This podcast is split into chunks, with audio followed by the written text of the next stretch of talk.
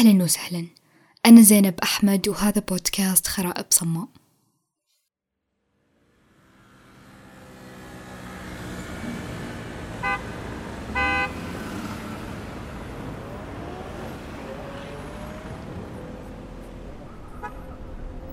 لطالما كانت الطرق السريعة مصدرا لا ينضب لكوابيسي. فلا أتذكر أن كابوسا قد خلا منها. شعور مربك يتكرر منذ الطفولة. أن أكون واقفة في منتصف الشارع الواسع. أبعد ما يكون عن ثلاثة أشياء. الرصيف والأمان والاستيقاظ. السيارات سريعة سرعة مرعبة. والسائقون عميان. وأحذيتي مسمرة على الأرض. أعلم أنني سأموت هنا والليلة. لكن لا أعلم على يد أي منهم. وهذا أصعب ما في الأمر.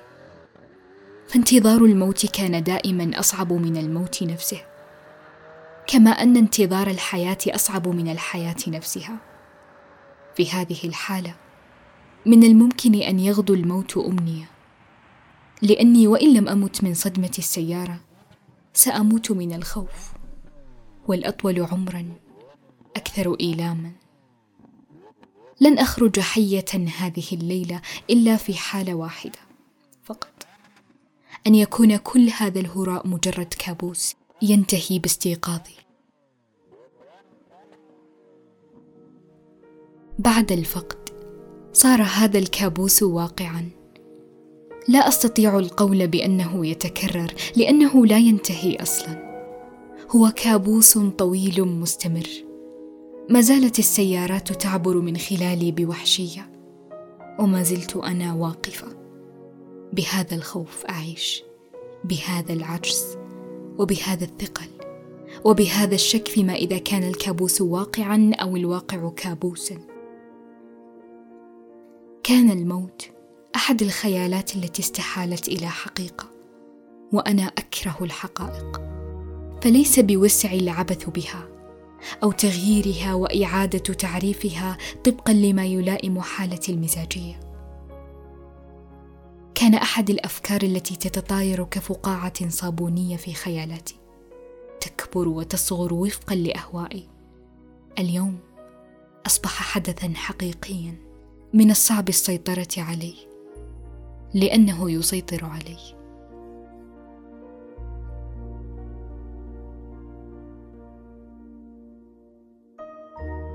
تجربتي مع الفقد كانت مبكرة إلى حد ما وهذا أمر جيد وسيء في آن واحد.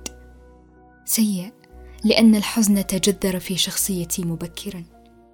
فهناك ضباب أسود كثيف يرافق كل حدث سعيد في حياتي وجيد من ناحية أخرى لأن كل الحوادث بعدها صارت هينة ومتوقعة وقابلة للتجاوز.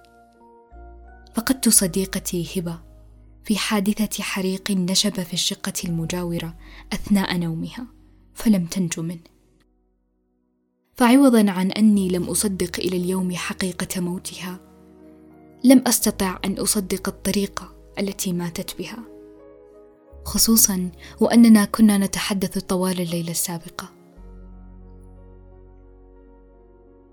ما يجعل تجاوز الفقد صعب. هو إنكارنا لحقيقة رحيلهم. وما يجعل تقبل هذه الحقيقة صعبا. هو موتهم في وقت وبطريقة غير متوقعين. كانت الأشهر الأولى غامضة جدا مليئة بالخوف والغضب والندم والإحساس بالذنب. يؤلمنا الفقد لا لأننا نفقد اشخاصا أحببناهم وحسب. بل لأننا نفقد أشياء كثيرة معهم فلا تعرف هل اختارت كل الأشياء أن تتخلى عنك دفعة واحدة؟ أم أنك من فقدت القدرة على التمسك بها؟ فضاعت غربل الفقد مفاهيمي وأدخل الشك في كل تفاصيلها. فلم أعد مؤمنة بشيء ولم أعد واثقة من شيء. شك لا ينفك ينهش إيماني. ولست أعني إيماني بالله فهذه قضية أخرى لست بصدد الحديث عنها. لكنني أعني إيماني بالأشياء والأشخاص. كل ما تحتاج إليه لتجاوز تجربة صعبة. هو قلب مليء بالإيمان. بينما ألحد قلبي بكل ما آمن به. فلا أمان ولا إيمان. كان الإفراط في التفكير هو السبب في كل هذه المشاعر. فحرصا على سلامتي العقلية لم أجد بدا من التوقف عنه. قدر المستطاع. فعندما أتوقف عن التفكير في حقيقة رحيلها أحافظ عليها حية في داخلي. وفي كل حال لا فائدة من إرهاق عقلي في التفكير فيما لا قدرة لي على السيطرة عليه. والحياة أقصر بكثير من أن أقضيها في نحيب طويل لا ينتهي. فلست أدري هل في عدم تفكيري هذا نكران وهروب من الحقيقة أم أنه إدراك عميق لقصر الحياة ورغبة في عيشها. منذ ذلك الحين لم يعد الموت قابضا علي قبضة تمنعني من الحياة. أصبح وجوده رماديا. حاضرا لكن دون أن يملأ جوفي رعبا. الحضور الذي يحفزني أن أحيا أن أتأمل أن أتعمق أن أفهم. ما بين قلق الموت وقلق الحياة مساحة آمنة بعيدة ولو جزئيا عن الواقع. أستريح فيها. كانت الخطوة الثانية في التحسن بعد التوقف عن التفكير. هي عدم استعجال الشفاء والبكاء متى ما شعرت برغبة في ذلك. وعدم الشعور بالذنب إذا ما حظيت بيوم سعيد. فليس في الأمر خيانة لذكراهم. والخطوة الثالثة والأهم هي تسخير طاقة الألم الضخمة في الفن.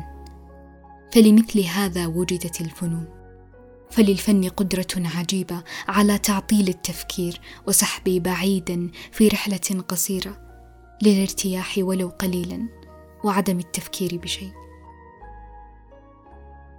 بعد الفقد لم تعد قوة التمسك لدي كما كانت، فخسرت العديد من الأشياء والأشخاص بسبب خسارة الإيمان بهم أو بجدوى وجودهم أو جدوى تمسكي بهم.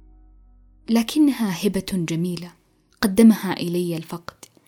فصحيح أنني فقدت قوة التمسك لكنني وهبت قوة التماسك إذا ما فقدت شيئا آخر في مقبل الأيام. كانت هبة الخسارة الأولى لا الوحيده فقد فقدت بعدها اشخاصا عديدين لكنني كنت أكثر وعيا بعد هبة. وأكثر رضا وإيمانا للحد الذي أدركت معه أن الحياة سلسلة نهب لا متناهية. ستأخذ منا كل يوم شيئا. شعرنا بذلك أم لم نشعر؟ وعندما لا تجد ما تأخذ تحيلك إلى شخص غير ذي جدوى وتأخذك أنت الآخر إليها وتضمك لعداد الخسائر. فتلتقي أخيرا بكل الأشياء التي فقدتها. وهذه هبة أخرى فريدة من نوعها.